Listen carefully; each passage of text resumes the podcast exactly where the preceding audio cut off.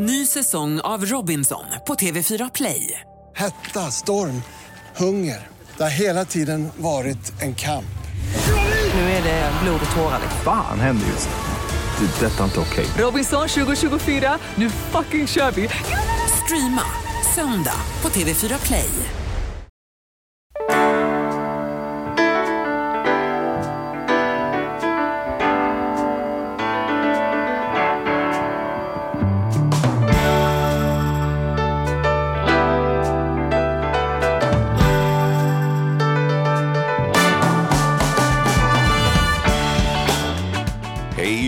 Välkomna till Ekonomi på riktigt med Charlie och Mattias. Hur är din dag Charlie? Du, den är bra. Jag höll nästan på att komma för sent. Jag flyttade ju för exakt två veckor sedan nu. Jag hade liksom inte räknat om i huvudet riktigt hur, hur många minuter det tar att ta sig hit där, där vi spelar in podden. Du vet ju hur det är med mig. Jag är ju väldigt sällan sen, men jag är också väldigt sällan tidig. Jag är ganska på minuten-människa liksom. Så det var med andan i halsen jag kom in här, men nu har jag hunnit lugna ner mig. Jag hoppas inte det gör att jag pratar ännu fortare än vad jag brukar. Jo, men du var ju ändå, du, du var ju ändå på rätt sida minuterna. Ja. Så är det ju. Ja, ja. Men det var, det var Ja. Ja. det att man känner att man är lite irriterad i trafiken, för man tycker att andra, jag kan notera det, att när jag är lite i sista minuten har jag en tendens att vara mindre förlåtande mot hur andra beter sig. Så så här, Jaha, lämna företrädeskylten gäller tydligen inte idag, hör jag mig själv säga högt och sånt där. Liksom så här. Det. Men du Mattias, innan vi kör igång här så är ju, vi måste ju prata om den stora nyheten, för oss stora nyheten. Med, kan inte du berätta, vad är det som är nytt för oss? Ja, men det som är nytt är att vi har bytt plattform. Att vi numera ligger på Podplay. Vilket Podplay? är ju... Fan, ja. Mm. vilket är superkul. Ja, det är jättekul. De har eh, uppvaktat oss och vi har varit superglada. För det gör att vi kommer nå ut mycket, mycket mer.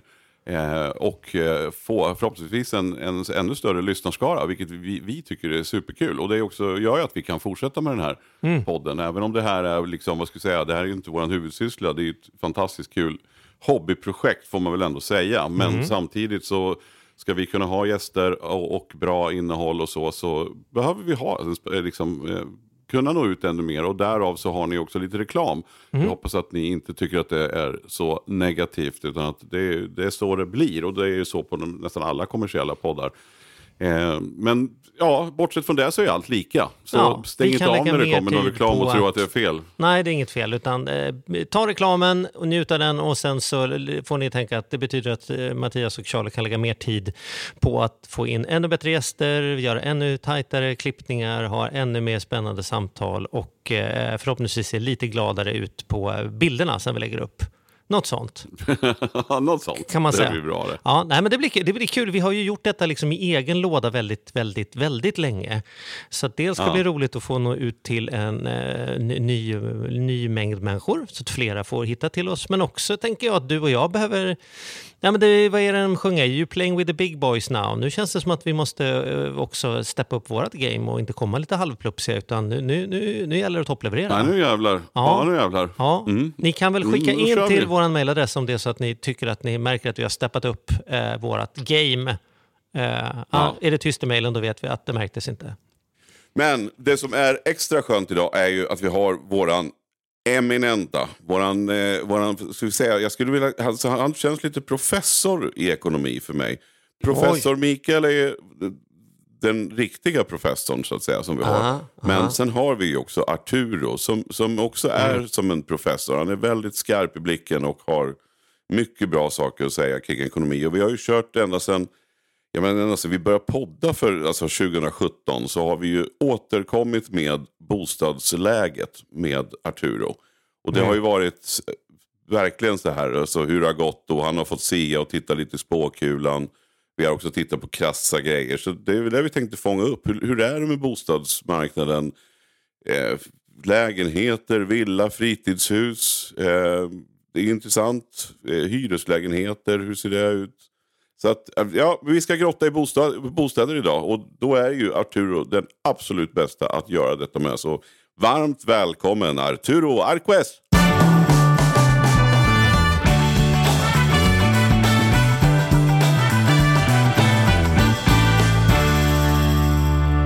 Tack så mycket. Tack, tack. Hur är läget? Det är faktiskt jättebra. Jag ska absolut inte klaga. Idag är ju vädret strålande också, så att idag är det extra bra. Ja, och jag är ju här, så att det är som eh, pricken över i. Har du fått varit ute och röra dig? Du som ju är liksom riskgrupp för att ha haft hälsoproblem tidigare och grejer. Eller har du suttit i någon glasbubbla inne på huvudkontoret? Och... Vi har ju, precis som alla mina kollegor, eh, blivit ombedda att sitta hemma. Mm. Eh, och, vilket jag också har gjort med något litet undantag. Så att eh, vi har nog suttit mest isolerade hemma allihopa på jobbet. Eh, och det är klart inte så himla roligt. Men jag börjar se slutet på, på den här pandemin. Det känns i varje fall så. Jag hoppas det. Jag tog min första spruta för Mm. eh, någon vecka sedan. Och jag kommer ta min om ett par veckor. Så att, eh, Men hur blir Arturo hemma? För att jag tänker att jag känner ju dig som någon som är runt i skolor på måndag eh, förmiddag och på eftermiddag träffar du något annat gäng och sen är det bostadsutskottet där och sen Mm. är det det och det tredje. Hur blir han som får sitta hemma hela dagarna och kolla på sin egen kaffebryggare? Många digitala möten. Ja. Så att det är extremt många digitala möten. Och det funkar rätt bra. Det var lite, eh, inte så kul kanske i, i början där och eh, kändes lite konstigt.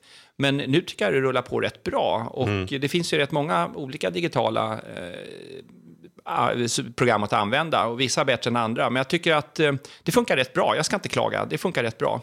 Men det kommer kännas naturligtvis roligare att få träffa folk fysiskt, som idag. Du, bostadsmarknaden då? Mm. Den, nu, vi börjar att kasta oss rakt in i det. Vad är det som pågår egentligen? Det känns ju som om det inte, det, det inte går att förlora pengar just nu. Det bara, allting bara rusar. Ja. Säger jag ur mitt lilla Stockholmsperspektiv här. Men, men kan vi börja konstatera, hur, hur ser det ut? Ja, vi släppte en rapport nyligen som tittade just på prisutvecklingen i hela landet, inte bara i Stockholm. Och det som förvånar mig lite grann, det är inte bara den starka prisuppgången, för den ser vi allihopa, men det är att den här kraftiga prisuppgången gäller ju inte bara storstäder, utan vi ser så störst procentuell prisuppgång om man tittar tio år tillbaka i tiden, det är i Skellefteå, 346 procent upp på bostadsrätterna de senaste tio åren, 160 procent upp för småhus. Och det är bara ett exempel, du kan få många. Varberg, Falkenberg, många andra orter där priserna har stigit väldigt kraftigt procentuellt sett. Eftersom Stockholm har en annan prisnivå så blir prisuppgången oftast störst i Stockholm. Eh, Men i procent så har vi sett kraftiga prisuppgångar eh, på många orter i landet. Och det här är ju i min värld ett uttryck för en eh, dysfunktionell bostadsmarknad. Vi har ju en bostadsmarknad som inte fungerar. Och ett uttryck för det är ju att bostadspriserna kan stiga så mycket under så lång tid. Det ska ju inte gå att en tillgång kan stiga så här mycket under så lång tid, om det inte är så att det finns problem. Och det gör det här, big time. Och det här är naturligtvis eh, olyckligt, för det här sätter ju fingret på någonting som vi har debatterat på senare tid, nämligen det här med eh, ungas möjligheter att komma in på bostadsmarknaden. Och det är tufft för dem, det är riktigt tufft för dem. Och det börjar bli tuffare nu eh, även utanför storstäderna. Och fortsätter den här prisuppgången eh, liksom, ett tag till, låt säga ett halvår, ett år till i den här pristakten, eller prisökningstakten, då kommer vi upptäcka att väldigt många unga kommer att stängas ute från, från eh, bostadsmarknaden på många, många orter i Sverige. Man måste typ tjäna 35 000 i månaden för att kunna hitta en etta att flytta till. Liksom. Ja, Och det även om man, ju bor i eh, Trollhättan Ja. eller eh, Varberg eller Falkenberg så kommer det krävas höga inkomster för unga. Och Men, men innan vi Men går kan in på du förtydliga effekterna. där Arturo? Eh, Vi säger ofta så här att ja, men det kommer bli dyrt för unga eller det är Ja. svårt för unga att komma in. Berätta varför är det det? Vi måste bara så vi förstår Ja, liksom, alltså, det, vad, det, det underliggande, gör det. det underliggande problemet är inte, och jag repeterar, är inte eh, bankernas eh, liksom kreditprocess eller kreditregler och Finansinspektionens restriktioner. Eh, tittar vi, vilket jag har gjort då, då, och jag hade ett utspel om det för något år sedan, där jag tittade på hur går det till om man ska köpa en bostad i Italien, Frankrike, Storbritannien, Tyskland, Danmark, Finland och så vidare. 13 länder i Europa tittade jag. Vad är kravet på kontantinsats? Eh, vad är amorteringskraven? Och så vidare. Hur räknar man ut? Vi har ju i Sverige något vi kallar för kalkylränta. Bankerna tittar ju inte på den räntan du betalar idag, utan man använder sig av en kalkylränta. Och den kalkylräntan är idag betydligt högre än den räntan du betalar. Så låt säga att du får ett bolån idag på 1,5 procent. Så utgår man i varje fall från en ränta på 6 procent. Du ska klara en ränta på 6 procent. Det kallar vi banker för kalkylränta. Och utöver det här så har vi någonting som heter KALP, kvar att leva på. Och då säger vi att är du ensam till exempel och ska köpa en bostad, när nödvändiga levnadskostnader eh, eller när boendekostnader är betalt så ska du ha ungefär 10 000 kronor kvar för nödvändiga levnadskostnader för att klara kalkylen. Och får du inte ihop till det efter att boendet är betalt, då blir det nej. Och det är det som är kalpen. Så vi har en del regler. Men sammantaget kan man konstatera att i Sverige är det inte svårare att låna jämfört med eh, våra grannländer. Eh, du kan inte låna mer i andra länder vid samma lön, utan snarare samma eller mindre. Så det är inte kreditrestriktionerna som är problemet. Problemet är att bostadspriserna gått upp så otroligt mycket. Och nu, förra veckan så var jag ute och pratade om den här exceptionella prisutvecklingen. Och vad jag gjorde var att jag, för att illustrera den här prisuppgången då, och den här dysfunktionella bostadsmarknaden så gjorde jag så att jag tittade på vad hade hänt om Charles och Mattias köpt en bostadsrätt eller ett småhus någonstans i landet för tio år sedan, mars 2011, och sålde bostaden mars 2021. Eh, den här vinsten efter skatt, reavinsten efter skatt, ställde den i relation då till den boendekostnaden som ni har haft under de här tio åren. Och det visar sig att ni har fått betalt för att bo. I genomsnitt i Sverige så hade man fått då 2600 kronor i månaden plus om man hade köpt en bostadsrätt för 10 år sedan och sålt den sen. Småhus 2,7 i snitt. I Stockholm 7500 spänn plus i månaden för man hade bott i en bostadsrätt och 11 200 spänn plus i månaden om man hade köpt ett småhus i genomsnitt. Men när du säger det så är det ju det matematik. Det är matematik. Därför att en del av dysfunktionen är ju att jag, jag, jag kan ju inte sälja min lägenhet och kamma hem pengarna för det finns ingenting annat att flytta till utan då måste jag köpa något nytt och det har ju stigit lika mycket.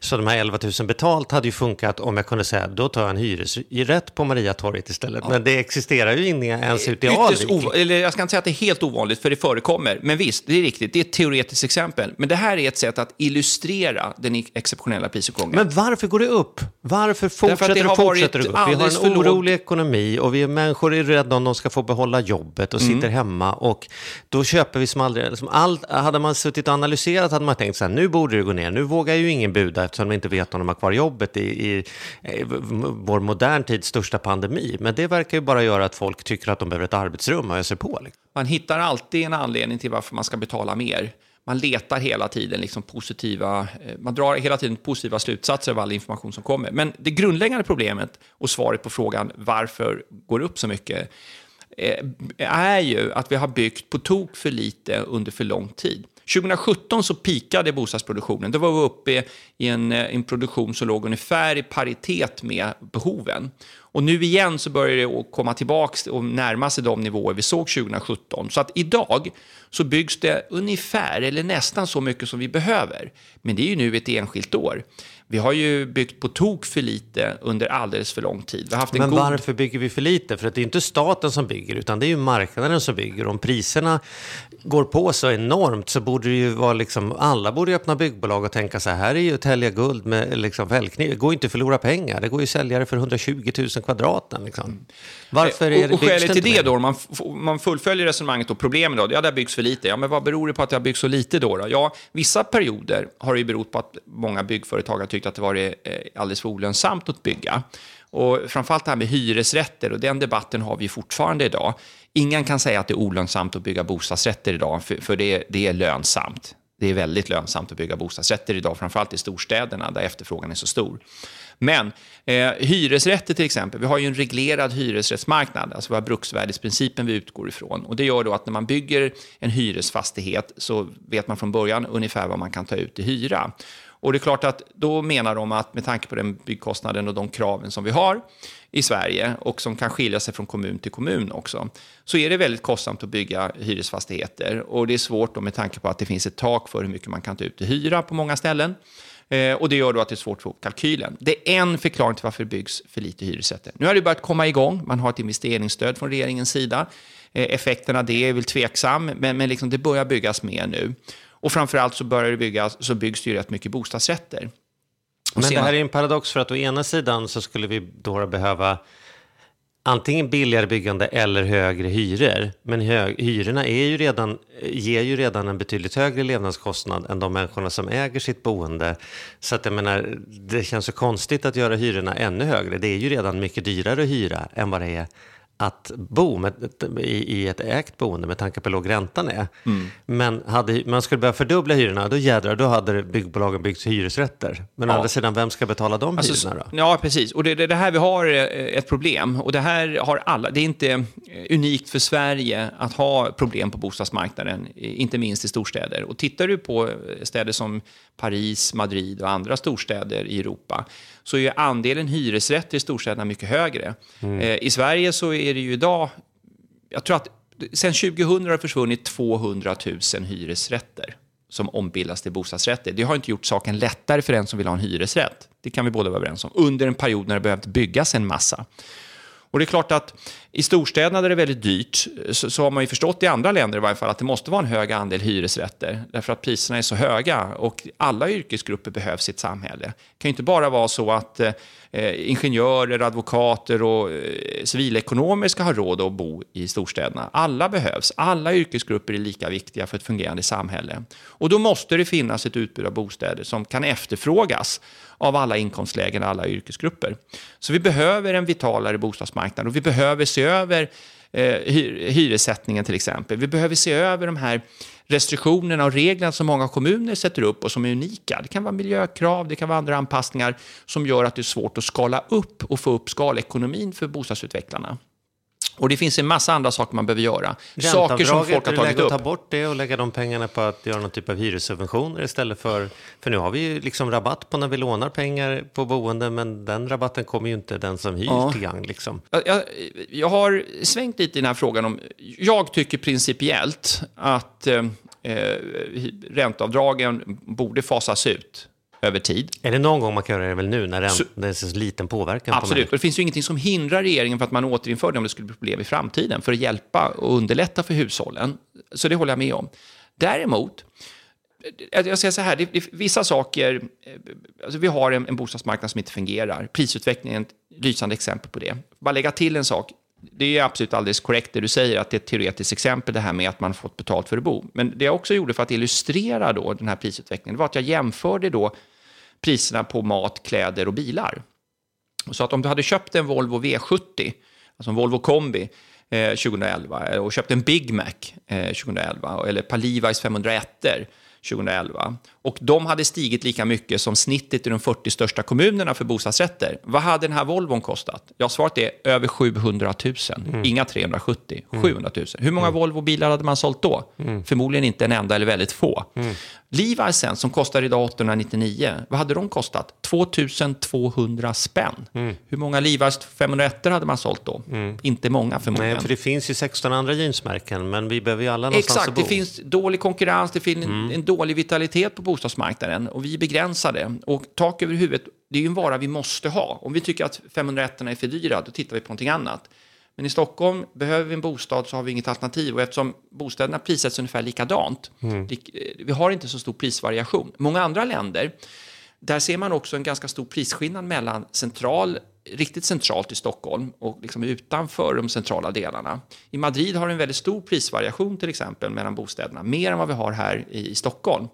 Och jag, någonting som jag som har följt bostadsrättsmarknaden noga, jag är förvånad över att hushållen inte tar en sån här sak som eh, föreningar som äger marken, andra föreningar som inte äger marken. Om du går in och tittar på Hemnet och tittar på vad är genomsnittspriset som man begär för en bostadsrätt i en förening som äger marken jämfört med en förening som inte äger marken? Det är försumbar. Det kan inte vara någon skillnad alls tyvärr. Och i min värld så borde det vara en stor skillnad. För det värdefullaste som finns i en förening i centrala Stockholm, det är ju marken.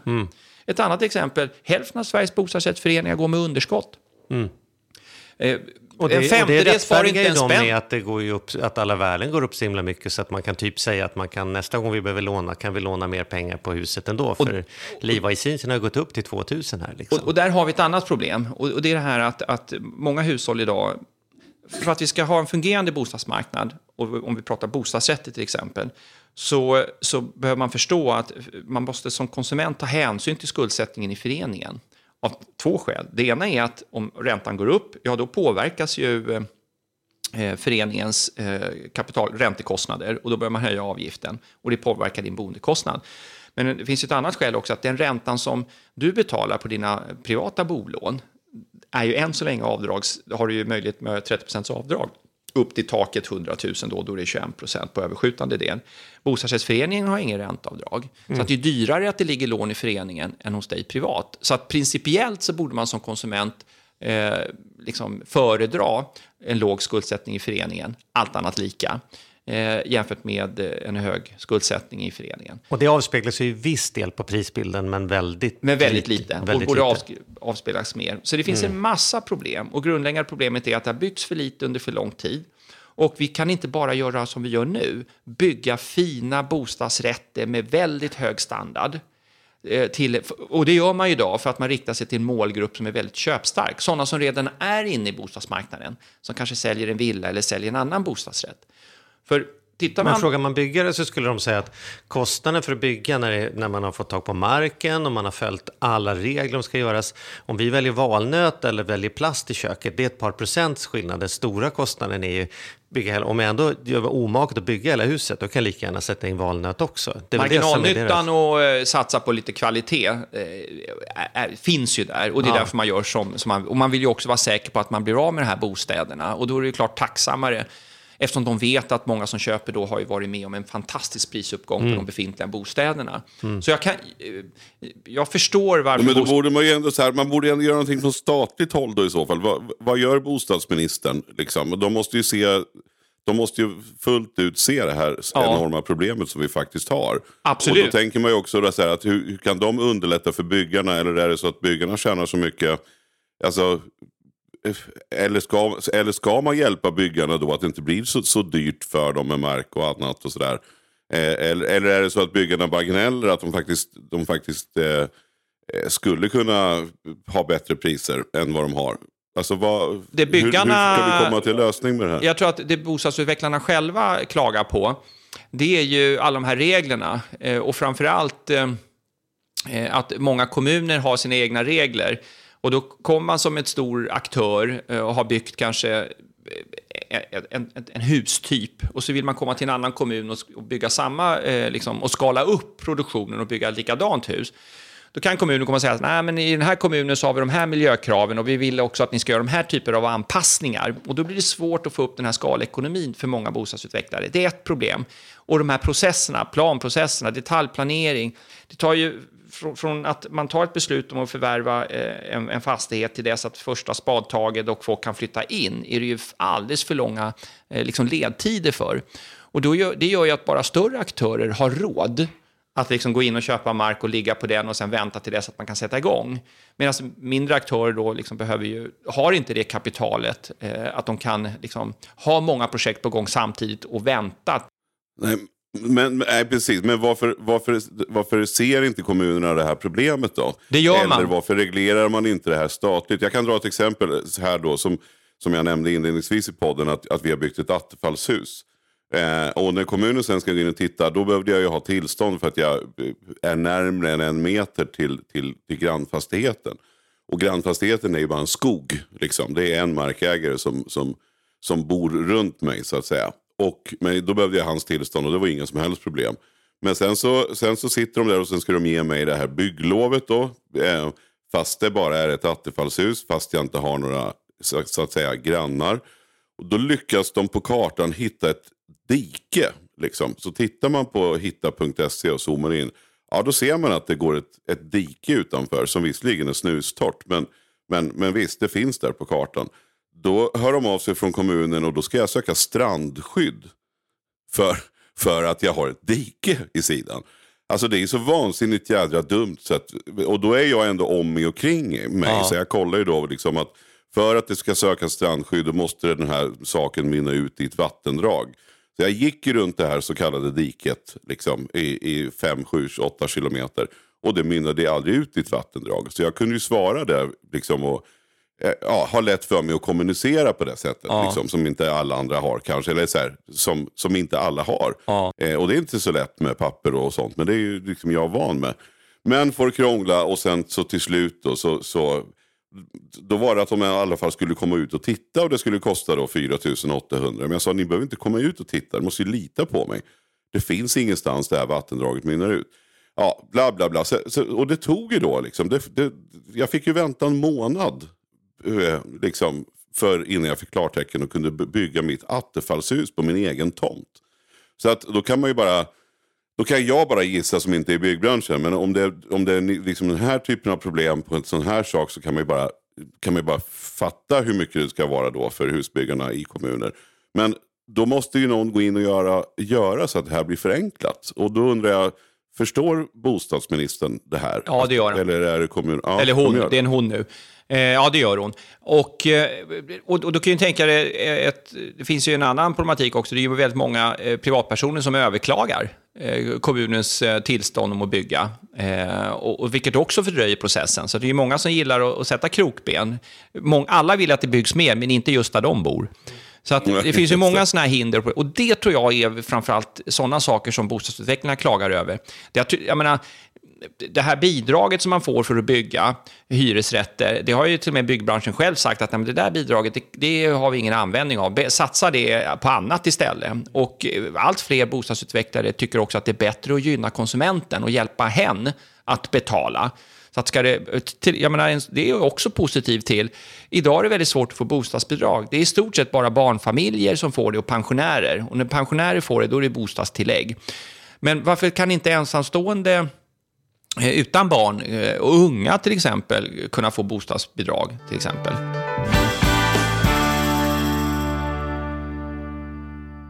Den här podden gör vi även den här veckan i samarbete med Saveland. Fan vad kul det är att ha dem med ombord. Mm, jätte, jätteroligt. Ja, vi brukar ju prata om att man har något band som man såg jag stod Bo Kaspers jädrigt tidigt liksom, innan man gjort tv-debut. Och du har något hårdrocksband som du var jävligt tidig på. va? Ja, alltså jag var på, på Lilla Teatern Göta Lejon och såg Metallica Ja. 1984. Så gammal är jag. Och jag var i kontakt med Saveland när det fortfarande var typ tre, fyra personer där från början. När jag fick möjlighet att träffa dem. Eh, och nu är de ett stort bolag, fyller tio år, finns på börsen och jobbar helt enkelt med att vanliga privatpersoner och företag kan investera pengar eh, i eh, lån och krediter. Så man får riktigt bra ränta. Så eh, det rullar på efter tio år, bättre än någonsin. Fantastiskt kul att ha dem med här i podden. Gå in, testa, kolla. Vi har en kod som gör att om du öppnar ett konto och använder på riktigt får du dessutom en insättningsbonus just nu. Precis, och vill man veta mer så som sagt gå in på saveland.se. Man kan också lyssna på Ludvig som har varit gäst i vår podd två gånger. Då får Ja. man en ännu bättre inblick Ja. i vad, vad det är de pysslar med egentligen. Men eh, ja, saveland.se och stort tack. Ny säsong av Robinson på TV4 Play. Hetta, storm, hunger. Det har hela tiden varit en kamp. Nu är det blod och tårar. liksom. Fan händer just nu. Det. är Detta är inte okej. Robinson 2024, nu fucking kör vi! Streama söndag på TV4 Play. Poddtips från Podplay. I podden Något Kaiko garanterar östgötarna Brutti och jag, Davva, dig en stor dos skratt. Där följer jag pladask för köttätandet igen. Man är lite som en jävla vampyr. Man har fått lite blodsmak och då måste man ha mer. Udda spaningar, fängslande anekdoter och en och annan arg rant. Jag måste ha mitt kaffe på morgonen för annars är jag ingen trevlig människa. Då är du ingen trevlig människa, punkt. Något Kaiko, hör du på Podplay. Därför är gardinerna. Komma med en, en, en, en eh, galen idé som du kan få skjuta ner här. Ja. Vi sitter ju nu i, i, och pratar i ett kontor som är hyrt. Eh, men om eh, Mattias skulle vilja flytta härifrån, då kan han ju sälja det kontraktet till något annat. För man får ju handla med hyreskontrakt. Om vi skulle göra det tillåtet på bostadsmarknaden istället för att det är svartpengar som rullar runt, ja då hade man kunnat gå till banken och lånat kanske 70% av en halv miljon istället för 70% av 8 miljoner. Och den som har en hyresrätt skulle kunna se ett värde av att sälja den. Och vi inte sitter med en inlåsningseffekt där det är massa lägenheter som egentligen står tomma för att man vet inte, barnbarnen kanske kommer behöva det någon gång. Varför tillåter vi inte handel med hyresrätter och gör den laglig, får in de skattepengarna och helt plötsligt så får vi rörelse på bostadsmarknaden och mer Och jag tror att det rättvisa. där är en otroligt känslig fråga. Eh, jag, jag är nog mer, där är nog kanske lite gammalmodig. Jag, jag, jag tycker att hyresrätterna som vi har idag, eh, jag tycker snarare att man ska vara ganska tuff med eh, möjligheten att kunna hyra ut i andra hand. Har du ett behov av en hyresrätt, då tycker jag att du ska få tillgång till en hyresrätt. Eh, jag, tycker, jag är lite tveksam till att man ska kunna handla med hyresrätter. Det, ska, alltså, det är samma sak med bostadsrätter. För att principen med bostadsrätter och en bostadsrättsförening ska fungera med en styrelse med medlemmar som bor i föreningen, så, så måste det ju vara människor som bor där och som verkligen liksom värnar om, om eh, sin bostadsrätt och föreningens eh, gemensamma tillgångar. Om vi skulle ha som det är, finns en risk för eh, i framtiden, eftersom fler och fler börjar se bostäder som en investering, är att man köper en bostadsrätt till eller två och inte bor där. Dels så ökar det risken för en, en högre volatilitet, en större, när liksom, alltså en, en, en större prisfluktuation i framtiden. Mm. Därför att om många då har bostäder som en investering och man misstänker att eh, räntan ska upp eller att det händer någonting. Och, Då är det inte en person som ska ur marknaden, Nej, men då är det tre många som ska ur och för att man Ja. Mm. spekulerar. Va? Och det är ju inte heller bra, därför att priset på din bostadsrätt sätts ju av de, den senast sålda bostadsrätten i ditt område. Så att jag, Sverige har ju räddats lite grann historiskt av att de som har en bostad, eh, de bor i sin bostad. Alltså det är medlemmarna i en bostadsrättsförening, de, de bor där och då är det lätt att få, lättare i varje fall att få tag på folk som ska sitta i styrelsen och ta, vara med på höst och vårstädningar. och Sådär. Om man istället har en massa hyr, eh, bostadsrätter som inte folk bor i, då är det svårt att få tag på folk som ska sitta i styrelsen, hjälpa till liksom med förvaltningen av fastigheten och sådana saker. Så ska det funka, då tror jag att det är viktigt att eh, bostäderna som byggs eh, också eh, bebos av människor som äger dem och är där.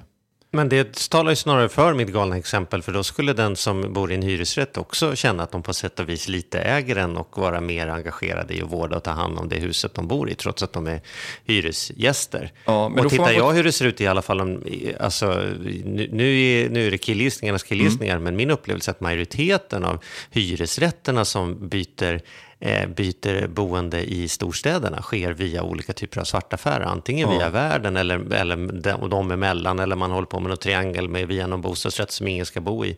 Hade det inte varit bättre att bara få upp det där på ytan och så, Ja. så snyggt och klart? Jo, men samtidigt Charlie så måste det ju också få vara, alltså det finns ju människor som inte har möjlighet att låna pengar. Alltså som inte har den typen av ekonomi. Nej, men hur många där trerummare faktiskt- på Kungsholmen får de idag då? Liksom, det får de ju inte i alla fall. Nej, Så att men problemet är ju inte- för dig som är kreditgivare också, Charlie. Hur ska du värdera den här tillgången?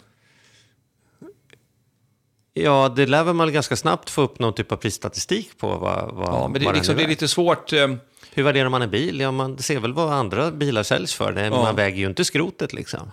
För jag, jag tror att den bästa lösningen är att det byggs så många hyresrätter och att man tar ut en hyra så att det inte finns liksom eh, ett värde. Alltså skälet till att det finns ett värde i de här hyresrätterna det är för att hyran är så mycket lägre Mm. eh, än vad folk är beredda att betala i marknadshyra. Mm. Och, och tar man bort det, då finns, inga då, kan du, då finns det inget värde i hyresrätten.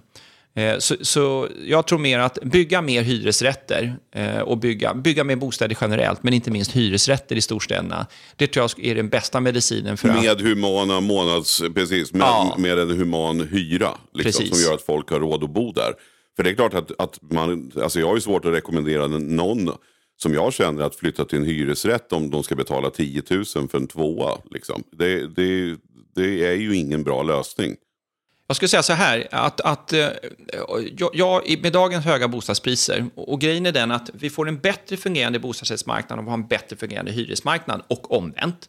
Det är bra för, för eh, dig och mig som konsument att det finns alternativ. För om det inte finns några hyresrätter, som idag, i praktiken, Ja, då har ju de som ska, och i Stockholm är det svårt att köpa småhus, liksom. det är bostadsrätter som är det enda alternativet. Då tvingas man till att köpa en bostadsrätt oberoende av vad priset är. Precis som du tog upp Charlie, det här med, med jeansen. Liksom. Okej, om Levi's jeansen är för dyra, men då köper jag ett annat märke. Det alternativet är ju väldigt liksom, begränsat när det gäller bostäder, i synnerhet då om vi inte har en fungerande hyresrättsmarknad. Men om det fanns en hyresrättsmarknad, då finns ju en liten broms för hur mycket bostadsrättspriserna kan stiga i Stockholm. Men eftersom vi, det är brist på båda tillgångarna så, så liksom trissas det här bara upp. Och eftersom det är väldigt lönsamt med, med att bygga bostadsrätter idag, ja då eh, föredrar ju bostadsutvecklarna att göra det. Såklart, det hade jag också gjort om jag var bostadsutvecklare. Även om behovet eh, bland konsumenter och samhället i stort är att det kanske borde byggas fler hyresrätter i storstäder. Men när vi träffades för ett gäng månader sedan, Mm. liksom, då, då pratade vi till exempel om liksom, gröna vågen. Vi pratade Ja. om att människor lämnar storstäderna eh, med tanke på att de inte behöver åka in till kontoret och man har börjat tveka till om man någonsin kommer att behöva komma tillbaka till något kontor på det sättet. Mm. Borde vi inte, har vi sett någon, någon tendens på, på det där att folk lämnar städerna så att det kommer inte vara något dyrare på Kungsholmen än vad det är i Kungsängen därför att det är ju ändå närmare till naturen och ingen ska ändå till jobbet. På vägen hit idag, för några, ja det var inte länge sedan, för en halvtimme sedan, eh, på löp, titta på Aftonbladets löpsedel idag. Det är Ja. precis vad som står. Ja. Folk lämnar Stockholm. Ja. Eh, och den Men senaste... priserna har ju inte sjunkit i Nej. Stockholm för det. Men tittar man procentuellt sett, Mm. och du var inne på det här med, med eh, Skellefteå som exempel och Karlskrona, så ser vi att det finns ju många andra kommuner idag eh, som har haft en kraftigare prisuppgång procentuellt sett än vad vi har sett i Stockholm. Jag har faktiskt listan framför mig här när du tittar på bostadsrätter och den procentuella värdeförändringen så ser vi att eh, i Skellefteå de här 346 procenten, i Borås 247, Skövde 213, Falkenberg 198. Eh, och jag menar, Borås ligger inte så långt ifrån eh, Göteborg och Göteborg ligger betydligt lägre. Eh, Göteborg har haft 88, bara 88 procent de senaste tio åren och Borås som sagt 247. I Stockholm de senaste två åren har vi sett eh, nettoutflyttning. Och det beror på framförallt två saker. Ett, att prisnivån absolut sett, alltså absolutvärdet i kronor är, mycket, är väldigt, väldigt högt idag. Det det är dyrt.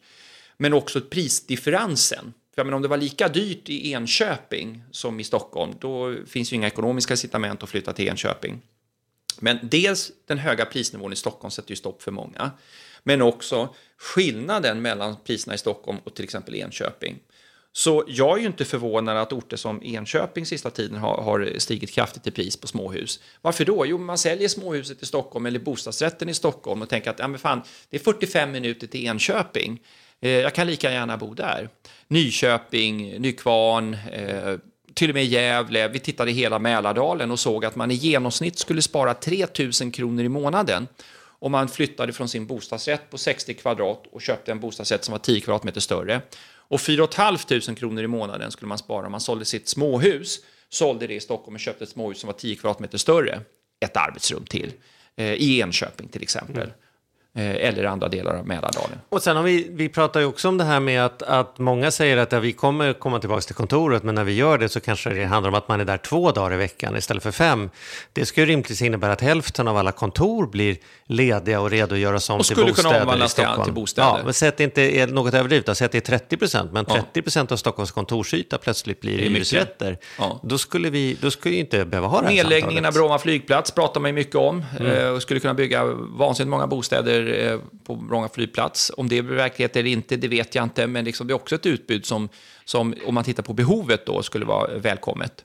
Oaktat nu vad man tycker om Bromma flygplats. Jag tycker det är bekvämt med Bromma flygplats, men, men jag kan förstå också invändningar med att, att eh, det kanske inte är så lämpligt att ha en flygplats så nära storstaden. Men Vad är det som har hänt? Ja, precis. Jag, vill- jag skulle också vilja snacka lite fritidshus, men du kan fortsätta utveckla det du skulle säga. Ja, men det, alltså det som jag tycker är viktigt att komma ihåg här nu då, det, det är att eh, prisnivån är så hög nu i, Göteborg och Stockholm att folk eh, börjar ifrågasätta om det verkligen är värt att betala så här mycket för boendet när man ser prisdifferensen. Och därför har vi sett att priserna har stigit kraftigt. Vad andra alternativ som folk gör, det är att man kanske nöjer sig med eh, en, för de som inte har råd så att säga, att sälja sin trea och köpa en fyra, de tänker att jag bor kvar i min trea, men jag köper ett småhus istället i Norrtälje, om vi nu pratar Stockholm. Eh, och, och samma sak om man bor i Göteborg, så man vi bor lite trångt så här på, på vardagarna, men på helgen så vi köper ett sommarställe så kan vi vara där på helgerna. Och vi har ju också sett att småhuspriserna, eller fritidshusen har gått upp kraftigt. Men jag tror att eh, det viktiga att komma ihåg, det, det är att vi har en väldigt, väldigt hög prisnivå. Väldigt många nu upptäcker att eh, det är svårt att eh, liksom få eh, pengarna att räcka till. Och är det värt det? Och det här som du tog upp, Charlie, Jack Dorsey som är vd för Twitter och även Mark Zuckerberg som grundare och vd för Facebook, de har ju gått ut och, och snackat med sin personal och sagt det att efter corona, alltså Jack Dorsey sa att de som vill kan få jobba hemifrån även post-corona. Eh, Mark Zuckerberg sa ju att eh, vi kommer erbjuda eh, våra anställda att fortsätta kunna jobba hemifrån. Han bedömde att över hälften kommer fortsätta jobba till väldigt stor del hemifrån i fortsättningen. Alldeles oberoende av att ha en pandemi eller inte. Och det här är ju ändå två rätt namnkunniga eh, CEOer liksom i, i namnkunniga bolag. I och för sig inom en bransch och sektor där det är möjligt att jobba hemifrån. Jag menar, jobbar du som målare eller eh, lokförare är det svårt att sitta hemma och jobba hemifrån. Liksom. Nej, måste de jobbar jag ju måste väldigt vara på sällan jobbet. hemifrån. Ja. Mm. Precis. Men, men det här visar ju ändå att de flesta av oss i ett, det moderna samhället som vi lever i idag eh, har ju möjligheter att, alltså jobbet innebär att vi sitter vid en dator, det kan vi i stor utsträckning göra hemma. Även om det finns nackdelar med det också. Jag tror att träffa människor, Alltså mötet med andra individer, det är ju där kunskap uppstår. Och för innovation och kreativitetens skull så, så tror jag det är viktigt att vi träffas också. Men eh, som du sa själv Charlie, att sitta hemma två, tre dagar i veckan, då går det ju faktiskt, då är det ju helt okej okay, och kanske bo i, ja, 60 minuter eh, med tåg eller bil. Mm. Mm. Eller buss eller vad det är man tar sig till, eh, mm. till jobbet. Då, då. då är det okej okay att pendla helt plötsligt. Eh, så att man måste inte bo eh, väldigt, väldigt nära i framtiden av, av praktiska skäl, utan det går att bo en bit bort. Och där är än så länge bostadspriserna lägre. Du, du säger ju här nu att, att, liksom, att, att finans, eller vad säger bostadsministern är, är medveten om den här problematiken. Vi ska väl börja bygga mer hyresrätter. Och det görs det. Men hur, hur kommer det se ut nu då på marknaden med tanke också på allt det här vi har pratat om? Att folk flyttar kanske ut i stan lite grann. Kommer det att stagnera priserna? Alltså om vi nu ska titta inom ett år, om du nu ska gissa. Det är alltid kul ja. när du gissar, för du gissar ju ofta rätt. När man, alltså, gissningarna eh, bygger ju på antaganden över faktorer som, som, som eh, liksom är viktiga faktorer för prissättningen. Räntan är ju en sån. Eh, och räntan är ju en funktion av inflationsförväntningar. Så, så liksom, uppfattningen om vad man tror om bostadspriserna bygger ju ytterst liksom, vad, vad tror jag kommer hända med inflationen eh, och de inflationsförväntningar som finns idag jämfört med framtiden. Då, då. Och, och, då tror jag att med tanke på den extremt höga pris... Jag, jag, tror att sannolikheten för lägre räntor är begränsad. Och det här finns ju en risk att jag får äta upp. Men, men eh, jag tror inte, och det ser vi lite grann, på senare tid har ju faktiskt räntan också gått upp lite, men jag tror att vi förmodligen har passerat räntebotten. Däremot så tror jag inte att vi kommer att få se en kraftig ränteuppgång, i varje fall inte i närtid. Men jag tror att som konsument kan man inte förvänta sig att få draghjälp av en lägre ränta som man har sett de senaste 10-15 åren. Så den dörren tror jag är stängd. Eh, och jag tror också med de här enorma stimulanserna vi har sett. Sveriges regering har satsat över 420 miljarder det senaste året i finanspolitiska liksom, åtgärder för att stötta konjunkturnedgången och företagen och hushållen för de här effekterna som konjunkturnedgången har gett. Eh, och det är klart att någon gång i framtiden ska det här betalas. Eh, och då tror jag att man behöver se över sådana saker som fastighetsavgifter men, och förhoppningsvis också reavinstskatter och mycket annat så att vi får en bättre omsättning av bostäder, ett bättre utnyttjande av bostäderna som finns, en högre bostadsproduktion, uthålligt högre bostadsproduktion och också med, kompletterat då kanske med vissa eh, selektiva stödåtgärder för att eh, hjälpa vissa grupper, till exempel unga eller folk som skiljer sig. Vad kan man göra? Och regeringen har ju tillsatt eh, en utredning, en statlig utredning om startlån. Eh, och jag, man har inte sagt uttryckt att det ska vara just bara mot unga. Eh, och jag är själv med via Bankföreningen då, som, som referensgrupp i den utredningen. Och Det ska bli intressant att se vilket förslag som kommer där och det ska ju presenteras i höst redan, så vi får se. Men jag tror att selektiva åtgärder måste. Då kommer man tillbaka till det Charlie sa, det här med ränteavdragen. Principiellt så tror jag det är bra om man fasar ut ränteavdragen, men jag utesluter inte och skulle nästan välkomna ett undantag för unga. Jag tycker man ska höja ränteavdragen för de som är unga, låt säga under 30 år och som ska köpa sin första bostad. Den här bostaden får inte kosta mycket som helst och det ska vara, eh, det ska vara också eh, begränsat till en viss bostad. Så att, träffar man en annan ska inte den personen... Låt säga att man säger att okay, du, ska, du kan få 70% i ränteavdrag de första tre åren eh, om du köper en bostad som kostar max så här mycket. Och så finns det ett eh, maximalt också lånebelopp på, på den bostaden så att man inte går ihop några stycken och köper en eh, lägenhet på Strandvägen för eh, 10 miljoner. Utan det här är för den som ska köpa tak över huvudet för 2-3 miljoner kronor, inte mer. Eh, och genom att höja ränteavdragen så ska man då ställa motkravet då att använd den lägre räntekostnaden till att amortera desto snabbare så att du snabbt kommer ner i belåningsgrad. Så att jag skulle välkomna att man eh, faktiskt, och det är också mot mina principer, att man kanske kan tillåta något högre belåningsgrad än de här 85 procenten. Men mot en begränsad grupp med god utbildning, god inkomst och god förväntad inkomstutveckling som också kan betala eh, de här räntorna med det här ränteavdraget. Men då ska motprestationen vara att man amorterar snabbt så att efter två, tre år så har man en belåningsgrad som ligger på 85 procent eller lägre. Eh, just därför att situationen är så extremt akut. Men principiellt för alla oss andra så tycker jag att man ska fasa ut ränteavdragen. Och grejen är den att det här med att, bank, att vi banker sänker kalkylräntan från 7 till 6 procent, det gynnar ju mest de som har mycket pengar de kan ju låna ännu mer i kronor då än den som har en lägre inkomst.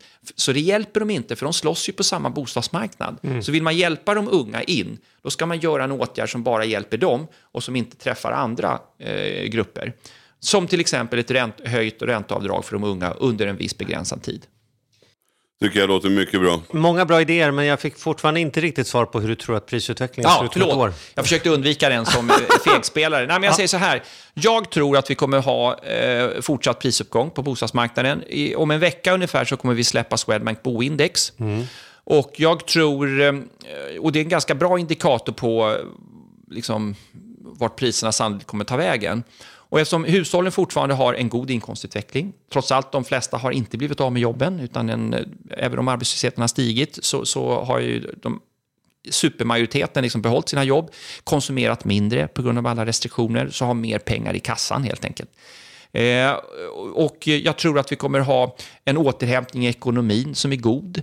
Eh, så jag tror att vi kommer ha en, en, eh, en ganska köpstark grupp människor, framförallt de som är insiders, som är i marknaden idag, på bostadsmarknaden. Och det tror jag, tillsammans med fortsatt låga räntor och en, en eh, försiktigt eh, stigande inflation, eh, kommer att bidra till att vi har en fortsatt prisuppgång. Men det skulle förvåna mig extremt mycket om, om vi pratar om tvåsiffriga ökningar, utan nu pratar vi om några procentenheter, alltså ungefär i linje med inkomstutvecklingen. Ungefär i linje med inkomstutvecklingen. Och det är det som är det sunda och normala, att över tid så ska ju inte bostadspriserna stiga snabbare Så du säger, lönerna. går de upp 5% då har du rätt. Om de går ner 5% har du fel. Och går de upp 10 har du fel. Ja, Ja. ungefär så. Bra, tack. Ja, det det får vara slutorden för idag. Tack så mycket. En fröjd att få, äh, få bubbla med dig med de här ämnena. Tack själva. Ja, verkligen. Tack så jättemycket Arturo.